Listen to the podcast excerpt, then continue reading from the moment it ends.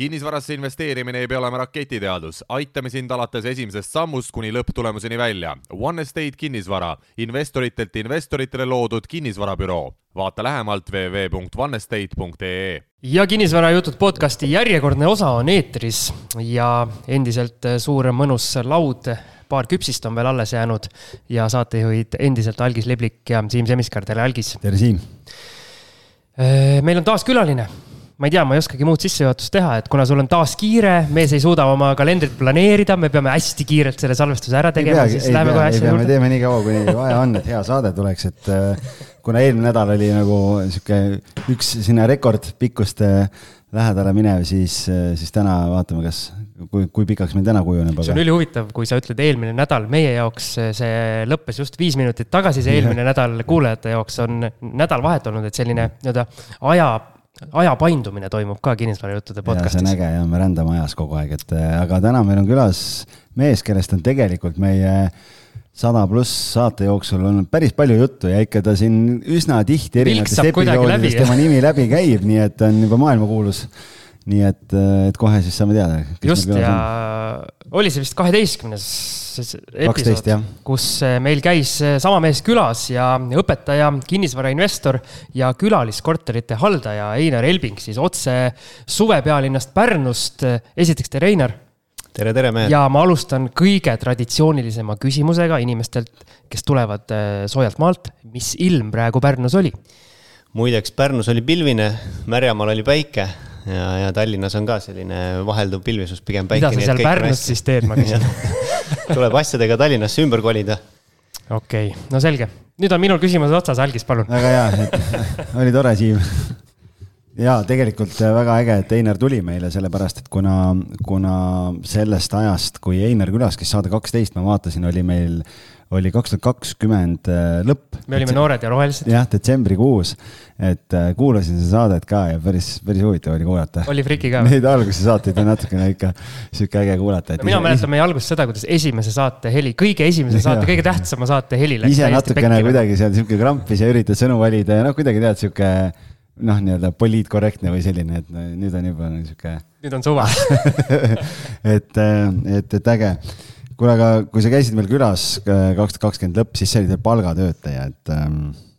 mis sul arus oli? jah, ja, ja, ja mis, mis nüüd muutus siis? no ausalt öeldes ma väikese kohaga või koormusega ikkagi olen hetkel ka veel palgatöötaja, nimelt töötan koolis veel õpetajana. aga tõesti, see on nii-öelda paar korda nädalas äh, mõned tunnid et, et see üleminek ikkagi palgatöölt siis pigem sinna ettevõtja poolele juhtus siis selle aasta maikuus tegelikult. ja eks see minu puhul oli selline üsnagi võib-olla selline traditsiooniline üleminek, et tegelikult palgatöö kõrvalt ma olin juba mitu aastat tegelenud ka ettevõtlusega, et oma väikest, väikest äri siis nii-öelda kasvatanud olid ju mitmed korterid juba, kust, kust laekub mingi üüritulu, oli see ehteäri, nii et, et see üleminek ei olnud selline väga nagu järsk, vaid pigem järk-järgult ja lihtsalt see otsus tuli mingi hetk teha. et kui oli näha, et, et palgatöö kõrvalt ikkagi üliraske on, on oma asja nagu edasi ajada või vähemalt siis nagu edasi areneda sellel, sellel alal et siis ikkagi tuli see otsus vastu võtta.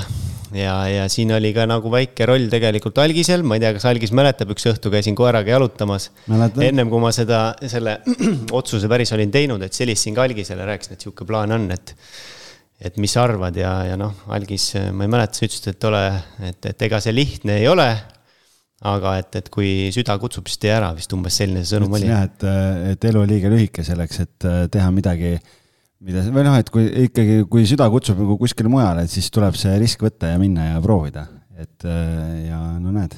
siiamaani pole kahetsema hakanud veel, nii et ma ei tea, ehk, ehk jõuab, aga äkki ei jõua. oleks teistpidi läinud, võib-olla siis, siis äh, poleks teda täna siia meile külla tulnud ilmselt. ma ise olen samasuguse nii-öelda muutuse teinud omal ajal ja, ja minu jaoks äh, oli üllatav see, et kui, kui palju aega reaalselt ikkagi palgatööst loobumisega vabanes ja tegelikult see see mõte sellest muutusest on oluliselt hirmsam äh, kui see reaalsus, kuna sul tekib nii palju aega ja sa saad seda oma nii-öelda ettevõtlustegevust siis äh, oluliselt, oluliselt jõulisemalt kohe edasi viia. oli sul samamoodi? ja täpselt nii oli. et kui ennem oli ikkagi see, et need ähm, tegevused tuli ära teha nagu õhtutundide jooksul, on ju, pere, pere kõrvalt ja, ja siis äh, ka uneaja kõrvalt, siis siis nüüd ikkagi on seda aega äh, rohkem, mille, millega siis, äh, mida kasutada siis just ettevõtluse arendamiseks, nii et kuidas ma olen siiamaani rahul, jah. kuidas sul selle ehete äriga, sul oli oma, oma sihuke hea hobi, eelmisest saatest tuli välja ka, et õhtuti paar-kolm tundi läks seal ehete tegemisel, et kuidas, kas see äri endiselt toimib, kõik on hästi või on kinnisvara saba ja karvadega kõik endasse imenud? Jah, et tegelikult on küll see, et, et see ehte, ehete valmistamine, et see on nüüd natukene tagaplaanile jäänud küll, kui aus olla. Aga see ei ole nagu selles mõttes päris, päris ära vajunud, et ikkagi mul on oma veebipood, mis toimib, mul on oma edasimüüjad, kes, kes müüvad, kes müüvad ehteid, nii et ikkagi, kui ma need kuu lõikes nagu kokku võtan, siis on, on sealt ka ikkagi arvestatav nagu tulu laekumas ettevõttesse, nii et et jah, ütleme ajaliselt ma arvan, et selline kaks kolmandikku äkki on kinnisvara, kogu teema, mis, mis iganes ma siis teen, pildistan, haldan ja siis kuskil üks kolmandik võib-olla on siis kogu see ehete teema, et, et umbes selline see suurusjärk on. aga seda nokitsemist ikkagi nii-öelda viitsid teha ja tahad teha? viitsin ikka, selles mõttes ta on selline, noh, vaata öeldakse ka ju, et kui ühes teemas oled nii nagu sügavuti sees, see on hea, kui oleks midagi muud ka, on ju. et, et see on just selline, selline hea asi, kus nagu kuidagi muud moodi ennast, ennast arendada ja mingeid muid tegevusi teha vahepeal, et. et muidu kinnisvara võib nagu jah, päris nagu, nagu Algis ütles, saba ja karvadega nagu endasse haarata, et kas ehete tegemisel peab olema ülikeskendunud või saab näiteks kõrvaklapid kõrva panna ja kinnisvarajuttude podcast'i ka kuulata või? kuule, tead, äh, alati, kui ma istun õhtul oma töölaua taha, siis mul läheb kõrvaklapp kõrva, et et kinnisvarajuttudega on selles mõttes ei, ei ole lihtne, et, et teie osalised lihtsalt ilmub suhteliselt harva, et, et igasugu muud podcast'id igasugu muud podcast'id on, on mul ka seal äh, nimekirjas, nii et ähm, jah, tegelikult neid on päris palju, mida ma kuulan, enamus kinnisvaraalased. et me peaks tihedamini siis nagu veel tegema? jah, ütleme kord, kord, kord päevas. päevas võiks olla uus osa väljas aga on, äh, ma ise kuulan ka mingeid podcast'e inglisekeelseid, mis tulevad, on päevased, igapäevaselt tuleb uus episood kinnisvaraalast podcast'i, nii et, äh, et. ma olen alati mõelnud, kes neid jõuab kuulata nagu igapäevaselt. julm. ei, ma igapäevaselt ei jõuagi kuulata, aga ma tean, et igapäevaselt tuleb nagu, et äh, siis, kui aega saan, siis kuulan. no näed, Einar on see, kes kuulab siis kõik ära. jaa, ei mul on jah õhtuti tavaliselt see aeg, millal ma kindlasti, ma arvan, ma ei valeta, kui ma ütlen, et ma iga õhtu kindlasti üks tunnike, poolteist kuulan mingeid asju aga on sul kohe niimoodi laksust mõni soovitus ka meie kuulajatele anda, minult küll vahest küsitakse, et mida sa nagu sealt äh, ookeani tagant kuulad, et äh, nagu inglisekeelsetest? minul on tegelikult äh, noh, kuna ma olen ikkagi lühiajalisele üürile spetsialiseerunud, siis on olemas ka erinevaid lühiajalise üüri podcast'e, mis on ülimalt, ülimalt kasulikud ja, ja mida ma soovitan kõigil kuula, kuulata kus tegelikult need osad küll ei pruugi olla pikad, aga nad võtavad need äh, sellised nüansid nagu detailideks lahti. ja, ja samamoodi see, kui on näiteks mingid uuendused seal, ma ei tea, Airbnb-l on mingisugused uuendused väljas, siis nad alati teevad osa sellest, saad kohe nagu teada, mis toimub nii et, et kui keegi nendest programmidest öö, äh, otsib öö, äh, neid lühiajalise üüri podcast'e, siis kindlasti leiab päris mitu, et short term rental sisse ja hakka kuulama. on sul mingid oma lemmikud? Äh, seal ongi short term rental podcast on üks. Äh, issand, mul ei tulegi me praegu need äh, nimed pähe, aga. podcast'i värk on niimoodi, et lihtsalt järjest kuulad ja ega sa täpselt ei teagi ja. mingitel hetkel, mida sa kuulad. Okay. et osad järjest ilmuvad ja annad muudkui kuuma. ühesõnaga tasub otsida ja endale sobib. kindlasti eriti, eriti need, kes nüüd plaanivad võib-olla sellega, ma ei tea, lühiajalise üüriga tegelema hakata või kes tegelevad praegu näiteks oma ühe või kahe korteriga. et selleks, et natukene seda silmaringi avardada, ma kindlasti soovitan kuulata välismaalt ka Äh, umbes sel ajal, äh, Algis on selle välja uurinud, kui sa meil esimene kord külas käisid, äh, siis sa olid ostnud just oma teise üürikorteri. ma eeldan, et see fakt.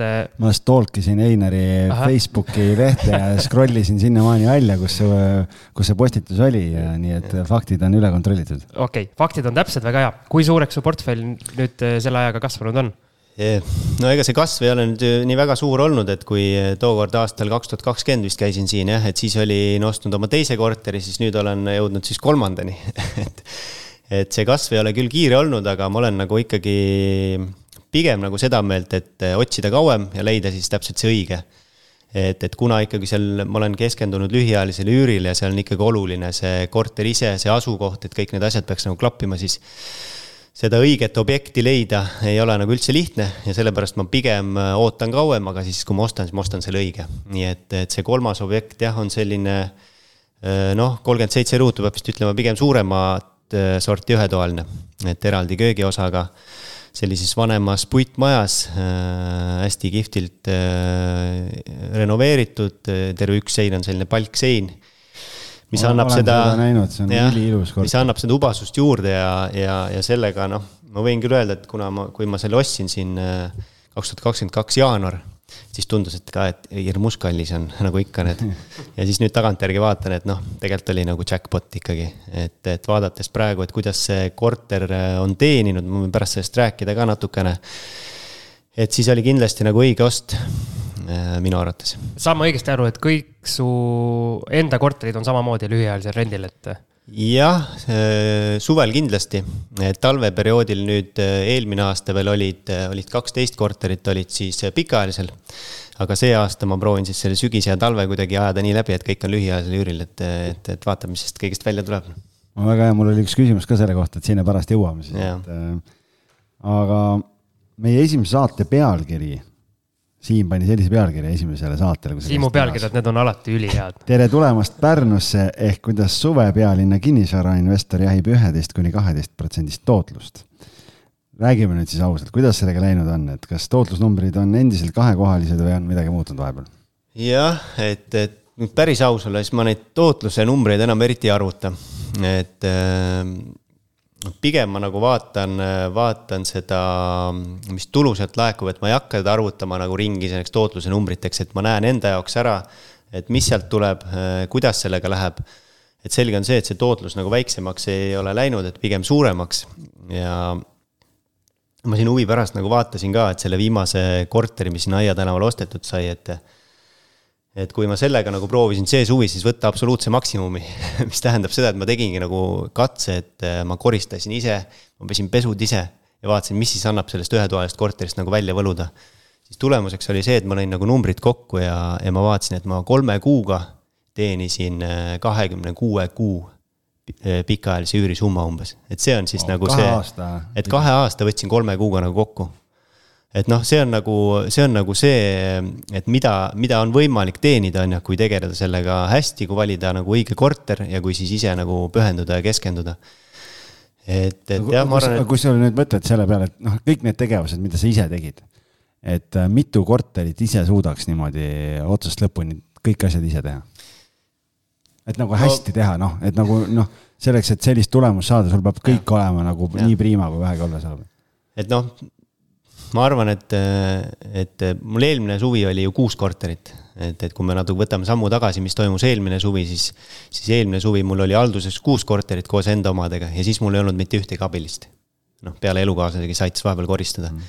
nii et tegelikult see noh, see minu piir ilmselt ongi kuskil seal kuue korteri juures, mida suudad veel nagu enam-vähem nagu ära, ära hallata aga edasi noh. aga need on kui... väiksemad korterid, eks? Eh, jah, pigem väiksemad, mõni ka kahetoaline mm. -hmm aga, aga noh, see tähendas ka ikkagi, see eelmine suvi tähendas ka seda, et, et aeg-ajalt tuli minna õhtul kell kümme, üksteist nagu lihtsalt välja ja need korterid korda teha, et järgmine noh, järgmiseks päevaks oleks need valmis.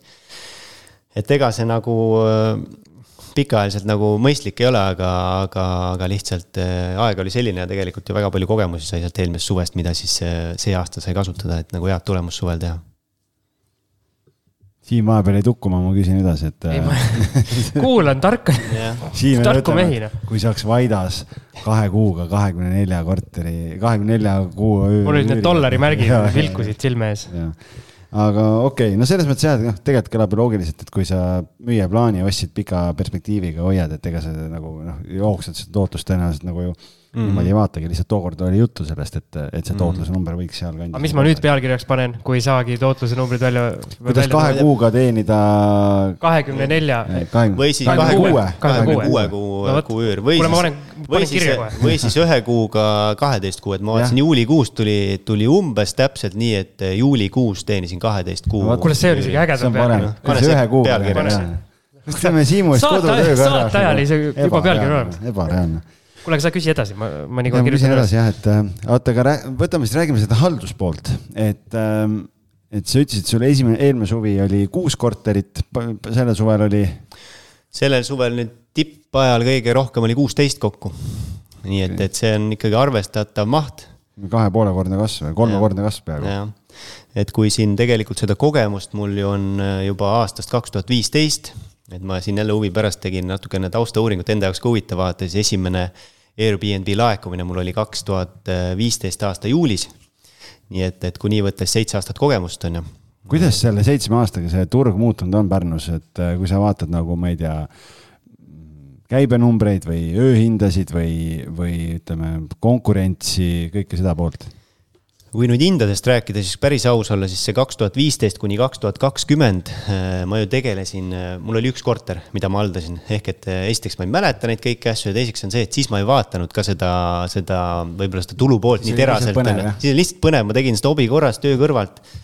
et alates kaks tuhat kakskümmend ikkagi on, on see nagu tõsisemaks läinud, see tegevus ja, ja kui nüüd nagu nendest hindadest rääkida, siis kaks tuhat kakskümmend üks oli meil see koroonasuvi, on ju ja ma siin ka huvi pärast võrdlesin. keegi reisida ei saanud. ja, ja., said küll eestlased ei no selles mõttes ma mõtlen, et, et, et kõik ja. välismaale eestlased ka väga minna ei saanud, sest kõik oli siseturism õitses, et. ja, et aga samas, kui siin ka eelmine aasta räägiti, et kaks tuhat kakskümmend üks, et hirmus raske ja keeruline oli, siis eh, kui ma kaks tuhat kakskümmend üks ja kaks tuhat kakskümmend numbrid kokku lõin, siis minu jaoks oli eh, tulu sama. ehk et ei muutunud eh, oluliselt tulu suurus, aga muutus see, kes sul käisid ehk et oli peaaegu sada protsenti eestlased. Mhm. et muud nagu vahet ei olnud aga kui nüüd võtta see kaks tuhat kakskümmend kaks möödunud suvi, siis siin ma ikkagi nägin selgelt eh, ka hindade tõusu võrreldes kaks tuhat kakskümmend üks aastaga. et, eh, et ikkagi on mingisugune hüpe on, on hindades eh, toimunud, noh ilmselt tänu sellele, et meil on välisturistid tulnud sisse, et eestlane ei pea nii-öelda üksi enam neid kalleid, kalleid üürihindasid, mida siin ma olen kuulnud, palju kirutakse, et Pärnusse ei saa suvel üldse minna, et, et kõik on nii kallis et siis ikkagi soomlane võttis äh, osa, osa nii-öelda enda kanda nendest, äh, nendest hindadest. maksis osa eestlaste, eestlaste ööbimised kinni. aga kui sa nüüd mõtled selle peale, et sul eelmine suvi olid valdavalt olid Eesti kliendid ja, ja, ja nüüd on jälle välismaalased tagasi, näed sa mingit vahet ka kuidagi sellel, et võõrustada nii-öelda kohalikku elanikku versus seda, kui tuleb turist päriselt? tegelikult halduse mõttes ju vahet ei ole, et sa suhtled samamoodi, sama palju eestlastega. mured, ootused, asjad ei erine kuidagi? Üldiselt mitte, et soomlase puhul aeg-ajalt, eriti booking ut äh, kasutaja soomlase puhul, mul on aeg-ajalt olnud muresid. Äh, nad ei saa ligi millegipärast oma nendele mailbox idele, kus see check-in'i info on, nad helistavad mul ukse tagant, et kuidas ma sisse saan. paar õlut liiga palju on jõudnud selleks. ma ei tea jah, millegipärast äh, tundub, et see süsteem neil seal väga hästi ei toimi.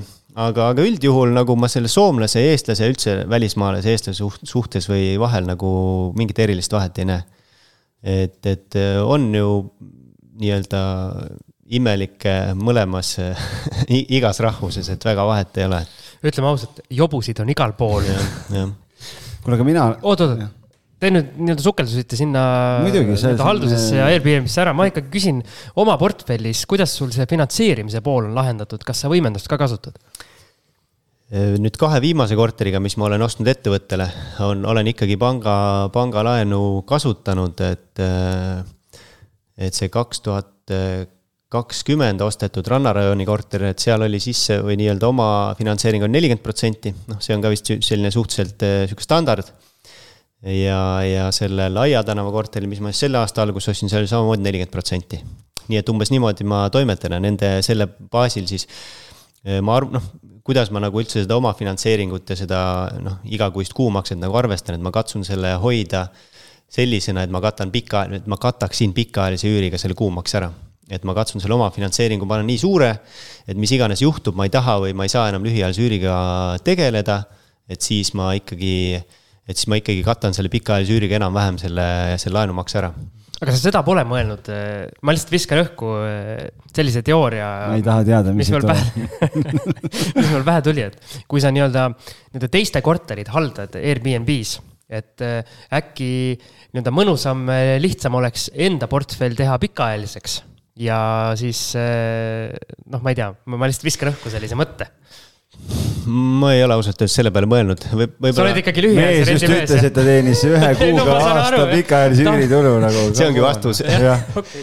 et ma ei ole selle peale ma ei ole selle peale mõelnud ka tegelikult ju sellepärast, et eh, kui sul on oma korterid, siis on ju ilmselgelt, et see tulupool on, eh, on suurem eh, kui nende hallatavate korterite pealt, et.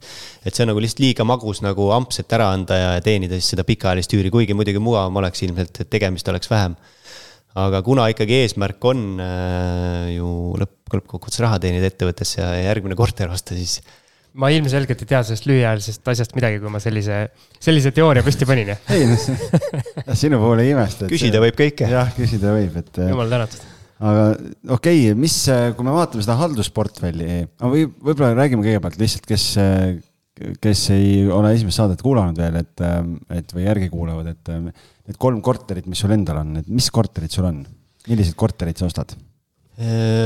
No üks on mul kesklinnas, et selles mõttes mul on nagu huvitavalt või noh, võib siis vist öelda, et hästi jaotunud selle piirkonna mõttes, et üks on täiesti südalinnas, Port Arturitest seal mingi saja, kahesaja meetri kaugusel. seda tean isegi mina, ma mõtlen Port Arturit siis. noh, näed, siia, see on selline väike stuudiokorter, vist kolmkümmend ruutu.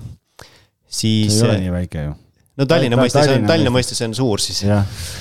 Et siis teine korter on päris rannarajoonis Mm, seal võib-olla mingi seitse minutit jalutamist äh, randa. et see on ka selline kolmekümne ruudune stuudio. ja, ja, ja kolmas on siis natukene suurem, see kolmkümmend seitse ruutu ja see on siis täpselt nii-öelda kahe vahel, et ta on kesklinna ja rannarajooni piiril.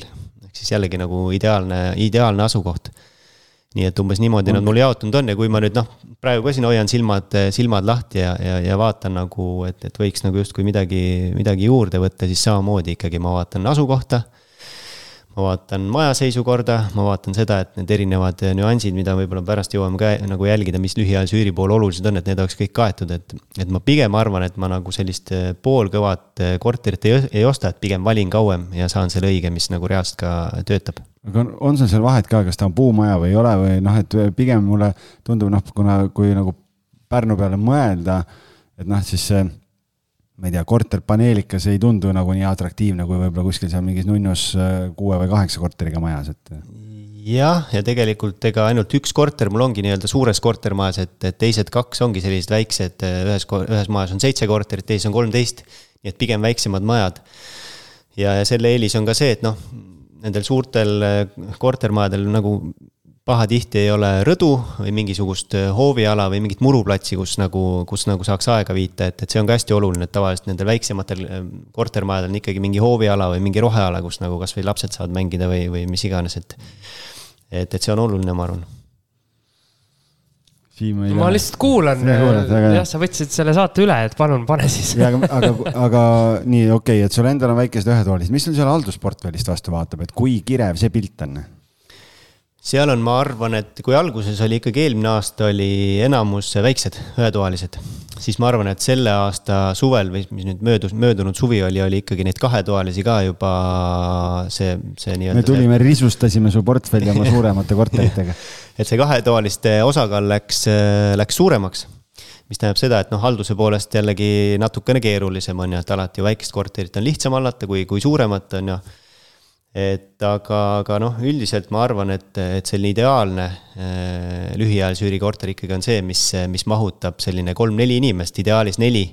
et kõik, mis on juba kuus-seitse, et see on jälle nagu omaette nagu selline nišš pigem isegi, et neid korterid, mis mahutab nii, mahutab nii palju, on pigem Pärnus vähe et, et selline neli inimest on ideaalne, et sa, sa võid sinna majutada nii paarikese, sa võid sinna majutada ka väiksema pere. et see mulle tundub selline kõige parem variant tegelikult. nii nagu me rääkisime eelmises saates ka seda, et meil Anton Nikitin oli eelmises saates rääkis ka, et ostab valdavalt kahetoalisi mm. -hmm. ja siis arutasime, et see segment on nagu lai, kes sinna elama võiks tulla, et.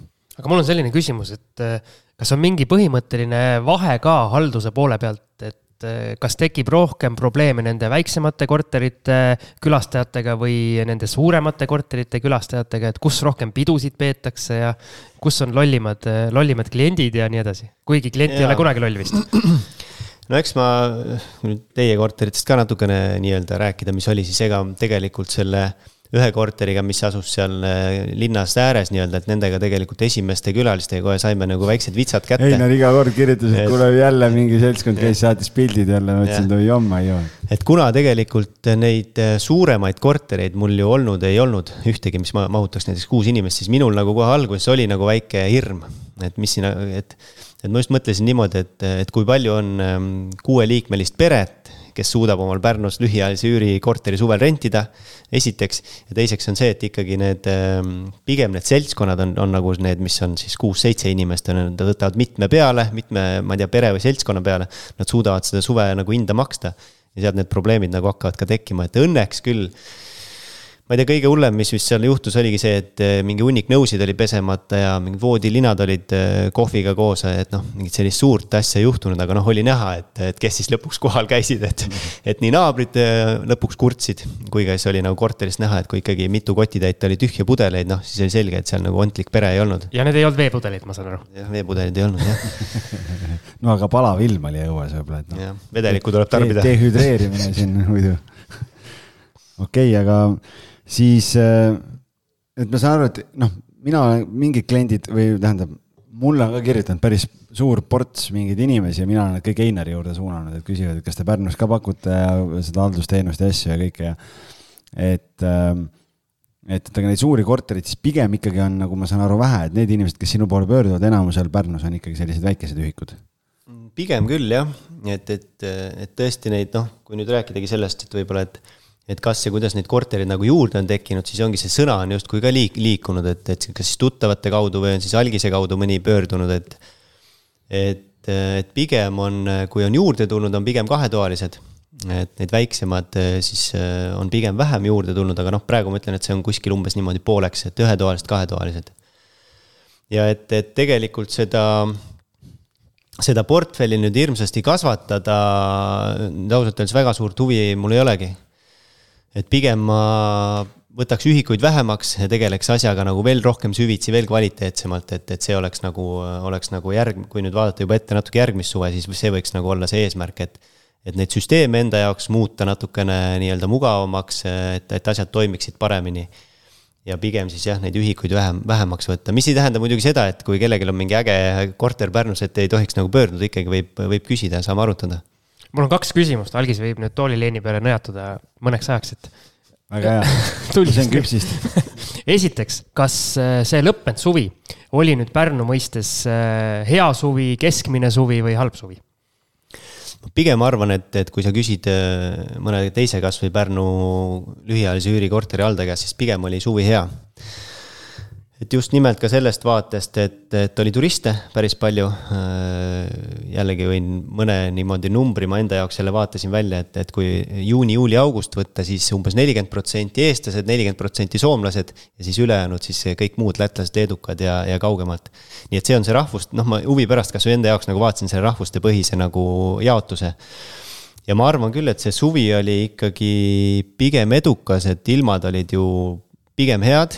suve me, teine pool oli väga ilus. jah, et, et alates seal juulist kuni suve teine pool, et juuni algus oli, oli kohutav. aga kui sel-, sellest nagu üle saime, siis ma vaatasin ka eile ja lõin oma kalendri lahti ja vaatasin ikkagi, et juba jaanipäeval oli, oli kõik, kõik kenasti täis, nii et, et, et hiljemalt jah, seal jaanipäevast läheb see elu lahti ja mu teine küsimus, ma natuke põikan nii-öelda enda marjamaale ehk sinna pikaajalise üüri poole, et see ei ole saladus, et Pärnu selline nii-öelda valem on üsna tihti olnud see, et suvel lühiajaline rent ja siis need üheksa ülejäänud kuud on pikaajalises. aga mis seisus praegu Pärnu pikaajalise rendi turg on, ma saan aru, seal juba enne oli nõudlus selliste korterite järgi, kus nii-öelda saaks suvel ka või no aasta ringi sees elada mhm. pikaajaliselt. aga nüüd on see Ukraina sõda ja sellega kaasnev põgenike, põgenikekriis mujal ju seda üüriturgu nii-öelda kogu seda paati kõvasti tõstnud, et kas Pärnus ka? jah, ega see tegelikult ju suures pildis muutunud ei ole, et kõik ju teavad, kuidas Pärnus elu käib, et äh, juunist augusti lõpuni ja septembrist siis mai lõpuni, et, et need on justkui sellised kaks perioodi, et kuidas seal see kogu see üüriturg nagu, mis rütmis ta hingab. septembri alguses tuleb ports kortereid äh, turule äh, ju,, juuni algus siis kaovad nad kõik nii-öelda pikaajaliselt üürilt turult ära. et, et ülikeeruline on leida aastaringset pikaajalist üürikorterit Pärnus, et seda teavad kõik ja, ja seda paljud ka otsivad. Mm, nii et, et. Ähm, kas, no meil on endal plaan tegelikult ju vaikselt siin nii-öelda just minna seda pikaajalise rendi teed, et kas seal saab mingit nii-öelda preemiat üürniku käest selle eest küsida, et ongi aasta ringi pikaajaline korter. ja kui sa vaatad ka neid üürikuulutusi seal, siis mis tuuakse suurte tähtedega kuulutustes ära, et, et, et pakkuda aastaringselt, et mõni veel kirjutab nagu peenelt juurde, et, et suveks ei pea välja kolima, on ju, et asi oleks nagu väga selge, et loomulikult. kui sul on see aastaringne korter pakkuda, siis sa saad küsida ka natukene kõrgemat hinda tänu sellele, et sa võimaldad seda aastaringset elamist. kuhu need Pärnu inimesed suveks kolivad kõik siis? randa tead, ma olen selle peale ise ka nagu mõelnud ja ma ausalt ei tea sest, sest nähes tõesti seda, seda noh, ma hoian ikkagi silma päris nagu teraselt peal sellel üüri, üüri korterite nendel Facebooki gruppidel on ju.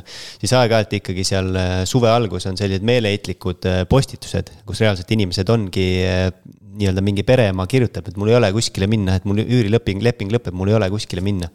et see on selles mõttes ikkagi noh, päris kurb situatsioon ühelt poolt. aga, aga noh. aga see on ette teada selles mõttes. mis teha, et see on neile teada, et kuna nad ju lepingu sõlmivad, et see on lühiajaline variant, et, et jah ja selles mõttes on huvitav, et kui Tallinnas, vaata, me oleme hästi palju saates rääkinud, Tallinnas see, kuidas turust erineda, on see, et esiteks lapsed ja lemmikloomad on lubatud. ja teiseks on see, et ilma tagatisrahata, siis Pärnus tuleb ka kolmas punkt, et saab aasta ringi olla, mis nagu Tallinnas mõtled, et no,. päris hull ikka tegelikult, et see nagu selleks, et sa pead nagu võitlema või olema leidlik või kuidagi õnnega koos, et sul oleks aastaringselt kodu ei, mul nagu tundub, nagu mina olen alati nagu mõelnud, et see on ju mingi nišš nagu. et kui turg toimib ühtemoodi, aga nõudlus on ka selle teise variandi vastu, et mm -hmm. siis minna nagu seda teist varianti pakkuma, see võiks olla nagu investorite mõistes nagu kasulik kindlasti, äh, ma usun, et kui sa, kui sul on äh, mõistlikus asukohas, mõistlikus seisukorras korter ja sa annad ta aastaringselt välja, siis noh, sul ei teki probleemi. lihtsalt sa pead arvestama, et, et kuna ma siin mõne kort-, mõnda korterit aitan äh, välja üürida ka siis talviseks, sügistalviseks ajaks siis praegu ikkagi on, on seis see, et, et suurem enamus, kes sulle kirjutavad, on venekeelse taustaga, on ju, mm. enamus siis ukrainlased. nii et sellega peab, peab nagu ikkagi arvestama, et, et kellel ma ei tea, on mingi foobia nende ukrainlaste vastu või, või põhimõtteliselt tahavad eestlast, siis äh, selle leidmisega nagu võib keerulisem olla. aga, aga jah, korterit välja anda ei ole nagu probleem pikaajaliselt.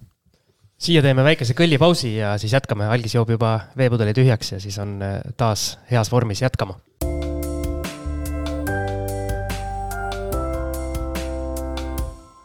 oleme pausilt tagasi ja pausil selgus selline tõsiasi, et algise mikrofon on saate lõpuni kinni, sest ta lihtsalt möliseb liiga palju ja no näed, pääsesin ikka paisu tagant. oota, ma võin selle kinni, oota, kus sa, okei okay,, no lähme edasi proovime veel tüli vältida ja selle saate lõpuni teha. ühesõnaga, siin on äh, algise poolt äh, väga hea eeltöö jälle, küsimused ilusti valmis tehtud.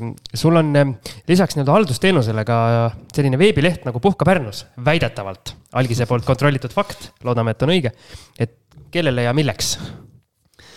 jah, et, et mille, kust see idee üldse või mõte tekkis, et, et, et teha selline veebileht, mis praegu nagu võib kohe ära öelda, et see on nagu valmimisjärgus ja see nagu selline valmis projekt ei ole aga esimene mõte oli tegelikult see, et, et kuna neid korterid on äh, päris palju halduses ja, ja suvel on äh, ülitihti on see, kus inimesed kirjutavad tere, kas teil on mõni korter täna vaba, ma ei tea, homme vaba, mitmetoaline, mitu inimest mahutab.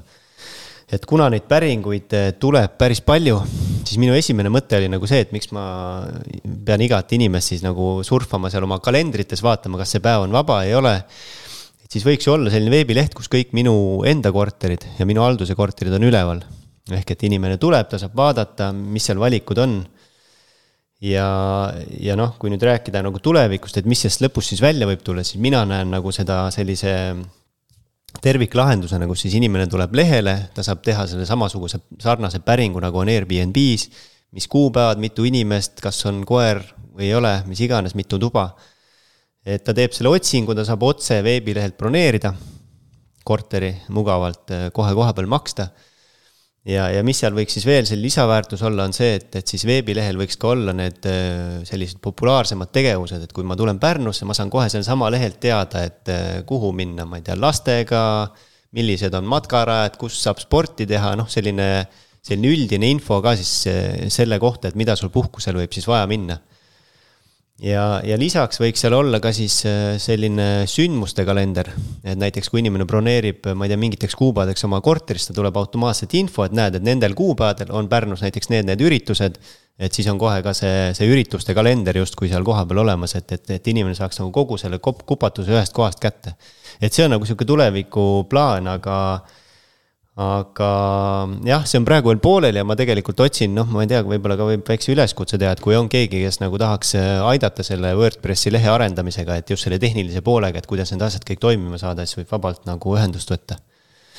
Mul tuli kohe vaimusilmas selline pilt ette, et mingi nii-öelda pensionäride baar ilusti kõik broneerib korteri ära ja siis viskab talle pop-up'i ette, et sel hetkel on see tabletimuusika kõige suurem äh, Baltikumi üritus ja siis hakatakse otsima, kuidas, kuidas seal cancel ida saab seda korteri. on nii või? jah kuule, aga, aga sa kasutad mõlemat portaali, eks, Booking ut ja Airbnb-d, et äh, me oleme kunagi sinuga omavahel rääkinud seda ja meil seal teises saates käis, äh, käis äh, Kärt Sildvee käis külas ja tema ütles, et noh, ma olen reeglina kuulnud nagu vastupidiseid asju, et et väga paljud kipuvad nagu, või noh, mitte väga paljud, aga et, et pigem kiputakse loobuma booking ust ja, ja teha, tehakse Airbnb-d, kui üht, üldse valida kahest ühte. tema ütles, et ta pigem kaalub Airbnb lõpetamist ja jätkab ainult booking uga, et kuidas sul need seisud on seal? jah, et ma algusest peale olen kasutanud ja ma siiamaani ka tegelikult kasutan mõlemat, äh, nii booking ut kui Airbnb-d, aga ma kuulasin seda saadet ka ja minu jaoks oli väga noh, üllatav või, või huvitav see, et, et hoopis kaalutakse nagu vastupidist varianti et noh, igalühel oma, et siin ei saa öelda, mis õige või, või mis vale on, aga aga minu puhul tõesti on see, et ma hakkan äh, nagu vaikselt sealt booking ust väljuma. et ma olen osad korterid juba sealt äh, välja toonud ja nüüd kõik uued korterid, mis on tulnud haldusse, siis ma olen ainult Airbnb-s üleval. Et aga need, need põhjused on ju päris palju ju arutatud ja ilmselt ka paljudele teada, et, et esiteks noh, see praktiliselt olematu klienditeenindus. kui sa tahad oma mingitele küsimustele vastust saada, siis Airbnb-s käib see ülikiiresti, eriti kui sa oled super host, siis eh, noh, kirjutad selle sõnumi ja sul on vahest kümne minutiga on nagu vastus, vastus olemas. ja, ja teiseks muidugi see, et, et külalistele tagasisidet ei saa jätta. On ju, sa võid teha korteris mis iganes, aga, aga lõpuks eh, noh, ma ei saa sind kuidagi hinnata. ei, ei hästi ega halvasti. Ja siis ka muidugi see, mis ei ole vähem oluline, eriti halduses oma olevate korteritega, on see, et, et kui juhtub midagi, kui midagi lõhutakse, midagi katki läheb, et siis tegelikult seda vastust sealt booking ust saada sisuliselt võimatu, mingisugust hüvitamise süsteemi nendel ei ole, vastupidiselt Airbnb-le, kus see võimalus on olemas nii et need on ikkagi need põhilised põhjused ja, ja noh, ega vähetähtis ei ole ka see, et kui, kui, kui ma haldajana ikkagi päris paljude korterite haldajana veedan päris palju aega ka seal äh, Airbnb äpis ja Booking'u äpis, siis äh, noh, kui sa neid mõlemaid kasutad, siis sa saad aru, et see vahe on nagu mäekõrgune. et üks on justkui loodud selle jaoks, et sul oleks kõik nagu mugav seal toimetada, aga see booking on nagu selline noh, seal on nii palju neid selliseid ebaloogilisusi, et ta logib ennast päeva jooksul mitu korda välja ja, ja sa ei saa seal kõiki nagu toiminguid teha, mis Airbnb äpis saad teha, nii et noh. lõppkokkuvõttes minu arvates see vahe ongi see, et, et kui see Airbnb tehti ju pigem selliseks koju, kodumajutuseks on ju, külaliskorterite jaoks, siis booking algselt oli hotellimajutuse otsimiseks on ju.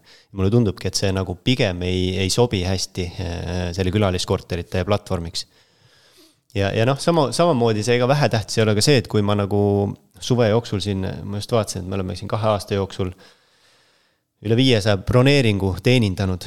et siis, kui, kui sa pead iga, igal juhul iga broneeringuga nagu mingil, mingil määral ka tegelema ja klientidega suhtlema, külalistega, siis minul on nagu see mulje jäänud, et Airbnb klient on nagu inimesena meeldivam. et ta kuidagi suhtleb, ta kuidagi suhtleb vabamalt, äh, nagu sõbralikumalt et ta kirjutab sulle, kui, kui midagi oli hästi, ta kirjutab ka seda, kui midagi oli halvasti, et booking us nagu seda ei ole, et seal on nii, et ma saadan oma check-in'i info ära ja sisuliselt sellega nagu kõik lõpeb. et Airbnb-ga on see, et tõesti inimesed äh, vastavad mulle, mul, kui ma Tallinna, Pärnust Tallinnasse sõitsin, siis Eh, tuli just sõnum, et tere, et eh, teeme check-out'i, eh, korter oli ülimalt meeldiv, jääks ausalt öeldeks ka kauemaks, kui ma pean Tallinnasse tagasi sõitma, et kõik sellised väiksed asjad tegelikult on need, mis, mis määravad minu jaoks. mina olen välismaal booking'u kasutaja, nii et see, see peaks kõik ütlema. Vaesed host'id, ma ütlen seda yeah.. ei no aga sa käid hotellis tavaliselt ju? olen korterites ka olnud. Okay.. aga üks asja võib-olla mainiks veel, et et, et millegipärast on nii, et eh, osad korterid lihtsalt Airbnb-s ei toimi. ma ei ole ausalt öeldes saanud eh, nagu noh, ise nagu sotti, et milles see on. aga mingid korterid on need, mis töötavad booking us ülihästi, samas mis Airbnb-s ei tööta üldse. et noh, selles mõttes ma ei saa nagu ka päriselt eh, seda booking ule nagu kriipsu peale tõmmata, et ma pean ikkagi ilmselt mingite objektidega jääma booking usse aga ikkagi enamus üritaks siis, üritaks Airbnb-s. aga nüüd, kui sa oled booking'u kõrvale jätnud mingite korteritega ja, ja noh, see raud, mida mina kunagi tagusin, kui ise me siin äh, haldasime Tallinnas ja koolitusi tegin ja asju, ütlesin, et kui teha ühte, kasutada ühte ja teha hästi, siis tegelikult need Airbnb algoritmid ja asjad ja kõik, et tegelikult see ei kaota tulus. et väga paljud kardavad, et appi, kui ma ei võta booking ut, et noh, et mis sinu kogemus näitab siis? No kogemus on, on pigem see, et kui algusaastatel ma olin sada protsenti nagu ka seda meelt, et booking ust tuleb ja tuligi, ütleme kaheksakümmend protsenti, ma isegi nagu mõtlesin tagantjärgi, et alguses tuli nagu kaheksakümmend protsenti broneeringutest siis noh, seal võis ka olla see, et ma, mul ei olnud need Airbnb listing ud nii hästi optimeeritud, mul ei olnud seal piisavalt infot, et, et nagu me kõik teame, et see on ju hästi nii-öelda algoritmipõhine, kus sa seal otsingutes nii-öelda platseerud Airbnb-s. Et nüüd ma näen küll seda, et, et kui ma olen rohkem keskendunud sinna Airbnb platvormile, et siis äh, tegelikult ei ole vahet, et kus, kus sul need broneeringud tulevad, et vähemalt sama palju tuleb ka Airbnb-st, kui just kui on selline korter, mis nagu töötab seal, on ju, et noh, see, see, ma ei tea, võib-olla jõuan pärast sellest ka rääkida, et milline see korter siis nagu olema peab. aga kui on ikkagi sul, kui sa tegeled sellega nagu põhjalikult ja sa oled selle korteri ette valmistanud lühiajaliseks üüriks, siis ta töötab Airbnb-s väga hästi. Sa ütlesid, et sa oled äh, üle poole tuhande nii-öelda kliendi siis või? broneeringu, broneeringu ja kliente on, ma vaatasin kuskil tuhat viissada kahe no, aastaga üle poole tuhande broneeringu teinud, et kindlasti on äh, sisse sattunud igasugu frukte, nii heas kui halvas mõttes, et on sul mõni selline värvikam lugu rääkida? minule ausalt öeldes esimese hooga meenuvad ikkagi positiivsed asjad, et, äh, et just nimelt need, kui, äh, kui inimene on näiteks jätnud mulle mingi kommikarbi lauale, ta on jätnud käsitsi mingisuguse kaardi kirjutanud, et tänu, tänusõnadega, et need asjad on need, mis nagu kõigepealt meelde tulevad et millegipärast on, on kuidagi, ma ei tea, kas vedanud või, või, või kuidas nii läinud, aga selliseid suuremaid jamasid olnud ei ole. et, et kui sa küsid, et kas keegi noh, kas on mingisuguseid suuremaid jamasid olnud, siis on üle elatud kõik weekend festivalid ja, ja beach grind'id et, et politsei pole käinud ja, ja kõige hullemad asjad, ma ütlen, mis juhtunud on, on see, et vahetad need voodipesud välja, viskad minema või siis. ma ei tea, kuidas see võimalik oli, aga üks klient oli näiteks vedela küünlavaha ajanud äh, keset kardinat, kardina peale, noh, ma ei tea, kas siis kõndis küünlaga kuskil toas ringi, et noh, selliseid asju juhtub. Aga midagi, midagi suuremat. ringi. jah, et, et midagi, midagi suuremat äh, õnneks ei ole juhtunud, et, äh, et, et üks, üks asi, mis mulle pähe tuli, on niisugune natuke selline naljakas olukord, kui meil oli siin viimasel suvel see suur üritus Beach Grind. et me kõik teame, et hinnad olid laes ja, ja oli võimalus seal ühe öö eest eh, kolm, kolmsada ja, ja nii edasi eurot küsida, siis. Siis jalutasime perega rannas ja nautisime ka siis seda melu ja vaatasime neid sulelisi karvalisi, karvaseid seal ja. ja järsku tuli siis eh, kõne, et tere, et oleme siin teie Aia tänava korteri ees, et kuidas sisse saame. siis ma oma pead nagu hakkasin mõtlema, et minu arust nagu on inimene sees seal juba.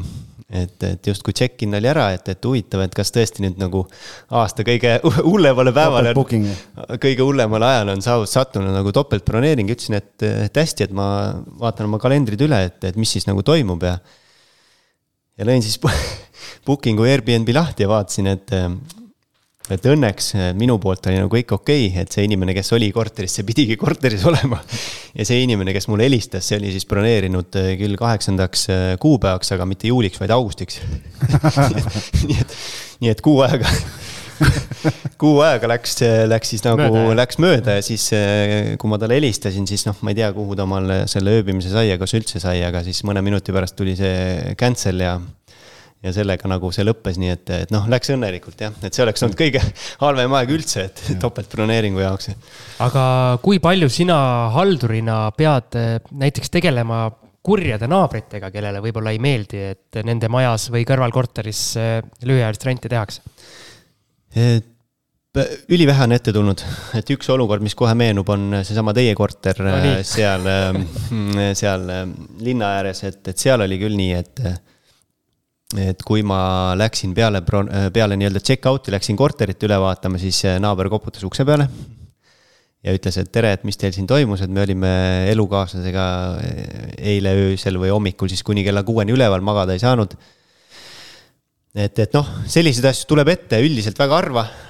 isegi seal beach grind'ide ajal ma ei saanud mitte ühtegi kõnet, nii et, et väga harva, aga, aga noh, kui tuleb, siis noh, mina ikkagi nagu olen seda meelt, et kui on probleem, siis tuleb sellest kohe rääkida, on ju, et sellest on, noh, ma ise nagu ütlesin ka sellele inimesele, kes tuli ukse peale koputama, et aga mis te siis hommikul kella kuueni ootasite, et miks te siis ei võtnud ühendust, ma ei tea, kas korteri esindajaga, minuga või, või politseiga, et selline asi toimub. et siis ootad nagu öö läbi ära, oled üleval ja siis hommikul tuled koputad ukse peale, noh. et, et neid juhtumisi on pigem, pigem vähe, ma julgeks öelda, kuigi tegelikult seda kogemust ju on juba omajagu, et, et neid, neid tõrvatilku seal meepotis võiks ju olla, aga, aga vähe, pigem vähe mis sa siis arvad, kas nagu Eesti inimene ongi selline, et ta pigem nii-öelda pigem kannatab ära, hoiab enda sisse ja võib-olla siis mingi kümne aasta pärast plahvatab, et kurat, sul iga õhtu oli siin või iga nädalavahetus oli mingi hull pidu no nii juht, nii tundub eh, praeguse seisuga jah, või siis üldse ei võta ühendust. et, et võib-olla jätavad üldse oma teada, on ju. no me vist algisega siin, siin saates ja omavahel ka oleme hästi palju rääkinud, et eh, investorina vist eh, see on üks asi, mida tuleks teha naabritele seletada ja rääkida, et mida, mida me teeme või mida tehakse ja kui on mingi probleem, et meie tahame, et kõik oleks rahul. et kui on mingi probleem, et kohe teada anda, et mm -hmm. siis saab seda nagu parandada mm. -hmm sest ja. jah, see kümme aastat hiljem ärkamine ja kogu selle viha sees hoidmine, sellest ei ole kasu. ja, ja, ja minu, kõikide minu korteritega on, on see, et äh, naabrid teavad, mis toimub. Vähemalt nendega, mis minu enda isiklikud korterid on, et naabrid teavad, et see on lühiajaline üür, on ju need erinevad ju koosolekud, äh, ühistu koosolekud, et seal ikkagi tuleb see nagu välja, et ma ise elasin, et ma toimetan lühiajalise üüriga ja siis ongi noh, kui on nagu küsimusi, siis on minu ülesanne siis selgitada, on ju, et kuidas me tegeleme, et me tegeleme võimalikult professionaalselt sellega, et me valime ka klienti nii palju, kui see võimalik on, on ju, ja murede puhul siis andke kohe teada, nii et. et võib-olla ka see haldaja enda poolt saab palju ära teha selleks, et neid probleeme ei tekiks, on ju, või siis õigel ajal nendele jaole saada. Aga kas pärnakas, kes elab kuskil äh, kesklinna või rannarajooni piirkonnas, kas tema peaks nagu juba eos ka eeldama, et see on ikkagi, suvel on see selline koht, kus möll pidevalt käib mm.? ma ei tea, kas ta peaks eeldama, aga arvestama peaks sellega küll, et, et kui siin seesama suvi Supeluse tänaval oli üks, ma ei mäleta, kas, mis selle ürituse nimi oli, kas Supeluse aastalaad, siis siis oli ka nagu ülikõva muusika käis seal taustal ja, ja siis Supeluse tänava äär on ju, mõlemal poole ääres on korterid. noh, ja siis nagu hakkad mõtlema, et kuidas see inimene selles, selles korteris samaaegselt elab, kui tal kõlar nagu akna taga nagu tümpsub et noh, ma arvan, et ikkagi nad on sellega harjunud, et ega see üleöö ju tulnud ei ole, need äh, suvised äh, rahvamassid Pärnusse, et ilmselt inimesed on ikkagi sellega harjunud. okei okay.. kuule, aga räägime, sa oled mitu korda jutu sees välja toonud selle, et et milline siis on üks hea lühiajalise üürikorter ja kuidas see erineb pikaajalise üürikorterist näiteks, et mida sina oskad välja tuua? Ehm, neid erisusi minu arvates on tegelikult päris palju, et, et kindlasti ei ole iga pikaajalise üürikorter hea lühiajalise üürikorter. et neid, neid tingimusi, mis teevad selle korteri heaks eh, lühiajalise üürikorteriks, tegelikult on päris, päris palju, et mina ise nagu hindan hindan kindlasti head asukohta, mis on võib-olla, et, et üks olulisemaid asju Äh, siis mis veel võiks olla, oleks äh, kas rõdu sisehoov või terrass, et ikkagi tundub, et inimestele meeldib õhtuti kuskil äh, siis kas perega või, või niisama istuda mõnusalt. ja, ja kui nüüd sellest sisusest rääkida, siis on minu arvates on ka väga suur vahe selles, et, et kui sa hakkad, kas siis ostad korterit või sisustad korterit, et sa kohe mõtleks selle peale. Et ma sisustan selle korteri nagu Airbnb-d või lühiajalist üüri silmas pidades et, et need märksõnad oleks noh, selline hubasus, kodusus, selline mõnus soe olemine, et, et need sellised noh, kuskilt näiteks, ma ei tea, kas päranduseks saadud vanad paneelikad, mis ei ole nagu selle jaoks ette valmistatud, sa võid sellega ju turule minna. aga ma arvan, et see tulemus, tulemus ei ole see, mida võib-olla, mida võib-olla nagu oodatakse. et hästi palju pöörata rõhku sellele, et, et, et su korter jääks seal nendes kui sa scroll'id Airbnb-d, et, et sa vaatad neid meeletult on korterid, et kuidas sinu korter silma jääks, miks ma peaks just sinna peale klikkima. et võib-olla sihukene, sihukene soovitus, et kes nüüd äh, tahab lühiajalise üüriga hakata tegelema või, või kes sisustab just parasjagu korterit, siis mõelge selle peale et kui ma neid, neid, neid kortereid seal läbi vaatan äh, kliendina, et, et miks ma peaks sinna korteri peale klikkima, et see on nagu hästi oluline Äh, kui me vaatame või kui sina vaatad oma seda halduses olevate korterite portfelli, siis milline on üks keskmine investor, kes lõpuks sinu juurde oma korteri või korteritega jõuab, et kas sa saad mingeid ühiseid nimetajaid leida? kas nad on sellised inimesed, kes on ise alustanud niimoodi, et nad on ise üritanud seda hallata ja siis edasi andnud või tulevad kohe selle teadmisega, et kui korteri kätte saavad, siis annavad haldusesse ja nii edasi üldiselt on see, et nad tulevad ikkagi kohe selle mõttega, et, et on mitmed inimesed sellised, kes ongi ostnud Pärnusse investeeringuks korteri, nad elavad ise Tallinnas või elavad, üks näiteks elab Saaremaal, et et nad ongi selle mõttega Pärnusse korteri ostnud, nad ostavad investeeringuks. Ja kui nad siis noh, ma ei tea, kas on kuskilt teada saanud või, või, või on info, et, et selle lühiajalise üüriga on võimalik rohkem teenida, isegi siis, kui sa maksad mingisuguse protsendi haldajale siis nad ikkagi pigem alustavad kohe selle lühiajalise üüriga, eriti siis, kui see korter noh, oma iseloomu poolest võiks siis vastata nendele, nendele kriteeriumitele et on heas asukohas ja, ja kõik need muud asjad, mis ma rääkisin, et, et pigem on jah, inimesed, kes, kellel on Pärnus korter, ise elavad kuskil mujal linnades või siis oma töö tõttu ei, ei taha või ei viitsi või ei ole aega sellega tegeleda. Aga, aga inimese või investorina nii-öelda selline keskmine, kas on nagu suured investorid või mõni on selline ka, kellel see ainus korter ongi see Pärnus, mida sina seal toimetad? ma arvan, et tegelikult enamusel on, on see ainus korter mm et selliseid suuremaid tegijaid minu poole veel pöördunud ei ole, kellel on seal mingisugune viis või kümme korterit kuskile, ma ei tea, uus arendus ostetud, et palun nüüd äh, võiksid hallata. et ikkagi ongi üksikud korterid äh, inimestel, äh, kes siis elavad kuskil mujal. ja, ja, ja noh, miks veel ma olen nagu öelnud, et, et, et, et miks, miks on mõistlik võib-olla see suvel see lühiajaline üür ka sellepärast, et ega inimesed, kes elavad näiteks Tallinnas ja kellel on Pärnus korteris, ma olen öelnud, et te saate ise sinna korterisse ju puhkama tulla. et sul on kohe olemas koht, kus Pärnus olla, kus puhata ja samal ajal ta teenib ka raha, nii et. me natuke vist korra käis läbi see ka, et sa teed ikkagi nii-öelda pilti ka, ehk siis kinnisvara fotograafina, et kui palju see suhteline on, et eh, kui palju sa enda objektide jaoks pead pildistama versus siis nii-öelda altuurana nagu välja tegema tööd? no praegu on nüüd juba kindlasti nii, et neid eh, tellimustöid on rohkem, et mul on päris eh, mitu siis kinnisvarabürood või maaklerid, kes, kes minu teenuseid siis on, on kasutanud. nii siis maalt piltidega kui ka droonipiltidega nii et, et jah, neid enda kortereid nagunii tihti juurde ei tule, juurde ei tule, et, et maru hirmsasti kogu aeg on pildistada vaja, et, et muidugi, kui on, kui tulevad uued haldusesse korterid, siis ma olen alati omanikule öelnud, et eh, kui sul on pildid olemas, ma teen enda pildid ka. ja sina pärast otsustad siis, kumbad nagu, kumbad lähevad. et, et ma jah, pigem, pigem teen ise need pildid, mis on nii minu korterite omad kui ka siis halduses olevate korteri omad. no aga tee meie kuulajatele hästi kiire selline nii-öelda õpetus ühe minutiga, kuidas teha võimalikult head, head kinnisvarapildid no eks need põhitõed on, on ilmselt. telefon tuleb püsti hoida või pikali yeah..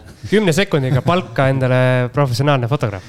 jah, see ka, aga eks need põhitõed on ju need, mida saaks ülikiiresti ju ära õppida, et, et vaata kasvõi mõni video Youtube'ist või, või, või või guugelda, et, et minu jaoks on ülioluline see, et mida ma nagu ülitihti näen, on see, et seinad ei ole sirged.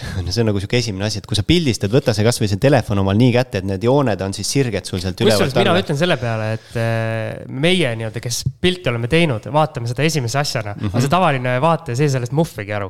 täitsa võimalik, täitsa võimalik. kui ikka päris viltu kõik see asi ei ole mm, -hmm. siis see segama nagu nii-öelda tavavaatajat vist ei hakka võimalik ja noh, siis eh, need muud, need klassikalised asjad, et see pilt võiks olla pigem nagu hele oma tonaalsuse poolest, et eh, isegi kui see korter eh, ei ole nagu nii, ütleme, hea selle loomuliku valgusega, siis see pilt pigem võiks olla hele. seal muidugi hullu ei saa ka panna, nii et sa toimetad hästi valgeks ja siis inimene tuleb nagu kuskile koopasse pilt et... on nagu see nagu taevasse minek ja siis reaalsus on hoopis midagi muud, jah. ja, ja, ja ega vähem tähtis ei ole tegelikult ka see ju ettevalmistus. et kuidas sa need asjad sinna sätid, on ju, et oleks nagu apetiitne just see, et, et see pilt paistaks kuidagi välja sealt nendest, nendest sadadest eh, korteritest, mis samaaegselt üleval on, et, et kõigele sellele tuleb, tuleb tähelepanu pöörata ja ma ei tea, kuidas ma siiamaani hakkama olen saanud, aga, aga pigem on nagu inimesed öelnud, et, et on rahule jäänud piltidega. on sul mingid nagu konkreetsed nipid ka, mida sa kasutad, sa ei pea võib-olla neid siin mikrofoni teel välja ütlema, aga mingid, mingid asjad, mida sa kasutad, mida võib-olla teised fotograafid ei kasuta? Ma ei oska ausalt öeldes selliseid mingeid e-, eri- või imenippe välja tuua küll, et, et noh, see on ikkagi, et, et üldised plaanid ja siis mõned detailid ja eriti need detailid on olulised just selle lühiajalise üüri puhul, et paned seal, ma ei tea, mõne küünla või mingisuguse nipsasjakese, et, et nende kõikide peale tuleb nagu mõelda. Nende peale naisterahvastest kliendid jooksevad tormi kohe, põlevküünal. Staging on selle nimi. ma tean, ma tean. just. aga räägime võib-olla nüüd need lõpuküsimused ka ära, et äh, räägime nüüd kinnisvarast ka. või on sul, või on sul veel küsimusi pildistamise kohta? ei. et ähm,. mis kaameraid ja objektiive sa kasutad, okei okay,, see jätame teise saatesse. jah, see on foto, fotojutud. et mis su kaugem eesmärk on kogu selle tegevuse juures praegu nii, nii enda portfelli ehitamisel silmas pidades kui selle üürihaldusteenuse puhul? no kui enda portfellist rääkida, siis äh, seda pikemaajalist eesmärki on nagu päris keeruline kas sõnastada ja võib-olla ma ei olegi seda endale nagu päris täpselt paika, paika saanud. et äh, ma võtan seda üsna niimoodi rahulikult äh, ja, ja eriti, eriti ei rapsi, et, et, et pigem ma nagu lähtun sellest, et ma väga suuri riske, riske ei võta et noh, et, et ei, samamoodi ei, ei kaasa nagu väga palju laenu, et võimalikult vähe laenuraha, et öösel saaks nagu rahulikult magada ja samamoodi nende, selle halduse poole pealt, nagu ma ennem juba ütlesin ka, siis, siis ei ole eesmärk üldsegi kasvada nende ühikute või objektide poolest. et pigem, pigem rõhuda kvaliteedile ja, ja anda kasvõi mõned korterid veel üldsegi ära, et, et, et jah, eesmärk on pigem, pigem kvaliteet, mitte kvantiteet. meil on need lõpu lõpuküsimused on standardsed kõigile, aga ma kasutan saatejuhi õigust ja natukene muudan meie ühte seda lõpuküsimust ja ja küsin niimoodi, et mida sa soovitaksid neile investoritele, kellel on huvi just Pärnusse lühiajalise rendi maastikule siseneda.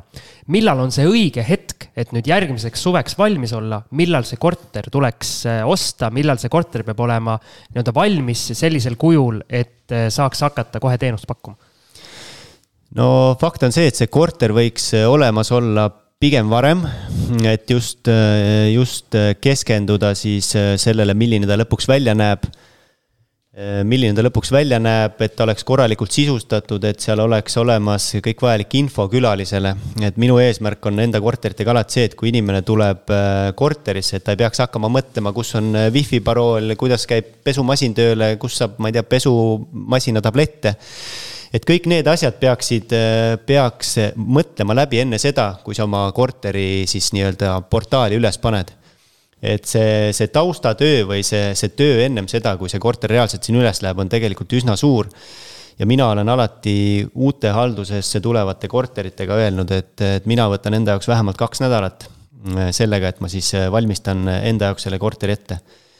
et üks, üks oluline asi võib-olla, millele veel siin tähelepanu pöörata, on see, et mida mina nüüd oma korteritesse olen hakanud printima, on need welcome book'id või sellised info, inforaamatud et kus siis see klient leiabki, need on ilusti laua peal nii eesti keeles kui inglise keeles välja prinditud, lamineeritud, köidetud, kus ta leiab siis selle kogu vajaliku info selle jaoks, mis tal seal ööbimise, ööbimisel siis vaja on, et alates wifi koodist kuni sellest, kuidas telekast käima läheb, pesumasinad, parkimised, kõik sellised asjad.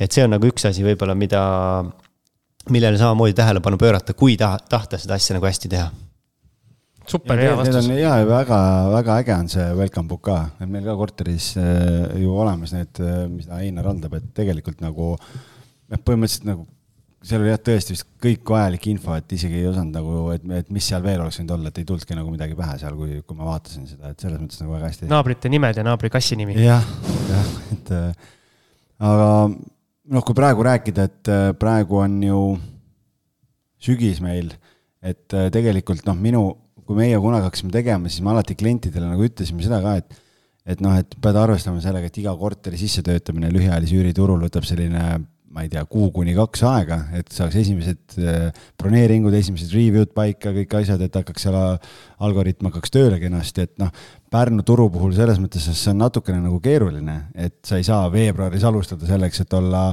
ma ei tea, juunis äh, nagu vormis, et, äh, et, et mis sa selle kohta ütled? Noh, tegelikult ju saab äh, ka juunis või veebruaris alustada, lihtsalt sa pead arvestama sellega, et hinnad on madalamad, broneeringuid tuleb vähem, aga, aga tegelikult see, seda eeltööd äh, suveks ikkagi annab, äh, ma arvan, et teha ka juba talveperioodile, kevadel. Ikka... selles mõttes, sorry jah, et tegelikult on õige, sul on õigus, et ma tahtsingi see, selles mõttes võib seda öelda, et et, et vaata meie, kes me oleme äris sees, saame nagu aru sellest, võib-olla ka need inimesed, kes, kes äh, praegu ostavad, et davai, alustame, võib-olla ehmatavad alguses ära, et kuule, nagu ei tulegi midagi, et, et kas nii ongi? jah, see võib võib nii olla, eriti siis, kui oled uus, on ju. selles, et sa ei tea neid nüansse, sa ei tea, kuidas oma seda kuulutust sõnastada, sa ei tea, millele tähelepanu pöörata, on ju, võib-olla sa ei oska hinnastadagi, mis on nagu täiesti ju eraldi maailm, on ju, kuidas sa oma korterit siis lõpuks hinnastad, on ju, et sul neid broneeringuid tuleb.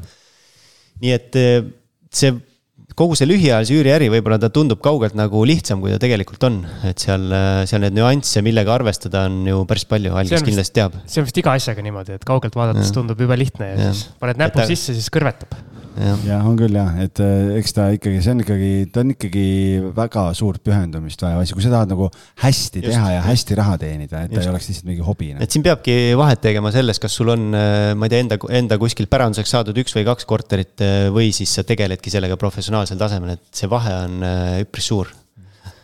ja see teenuse kvaliteedil mõttes ka ju. super mm, -hmm. on Algisel veel küsimusi? Ei ole vist. algisel on juba jope seljas, maakleri töö kutsub, vaja minna näitama või vaatama ja, või eh, mi, mi, mi, mida iganes tegema. no näed, teate, miks maaklerid hiljaks jäävad, saadet salvestame, et. Eh, ütle kliendile ka, et kuula, salvestasime saadet. nii, aga aitäh, Einar, sulle, et sa siit eh, või sealt kaugelt Pärnust siis. see on vist kõige põhjalikum ja praktilisem lühiajalise üüri saade, kui välja arvata meie oma üks duosaade. ja no algisest praktilisemat ei ole olemas. seda ma soovitan kindlasti omalt poolt kuulata, kes ja. tahab sinna ärisse sisse minna. Et... Ah, päriselt jah? päriselt, päriselt. kuuled no, no, no, sa räägid tarka juttu ka vahest nüüd on aeg ära lõpetada. ja nüüd on aeg ära lõpetada nii-öelda positiivsel noodil. aitäh veel kord, Einar ja, ja. aitäh, Algis sulle. ja aitäh, Siim, sulle ka ja Einar, soovime sulle edu siis. suur tänu. ootame siis järgmist suve ja võimalikult palju päikest, eks. just nii super. kohtume Pärnus. tšau, tšau..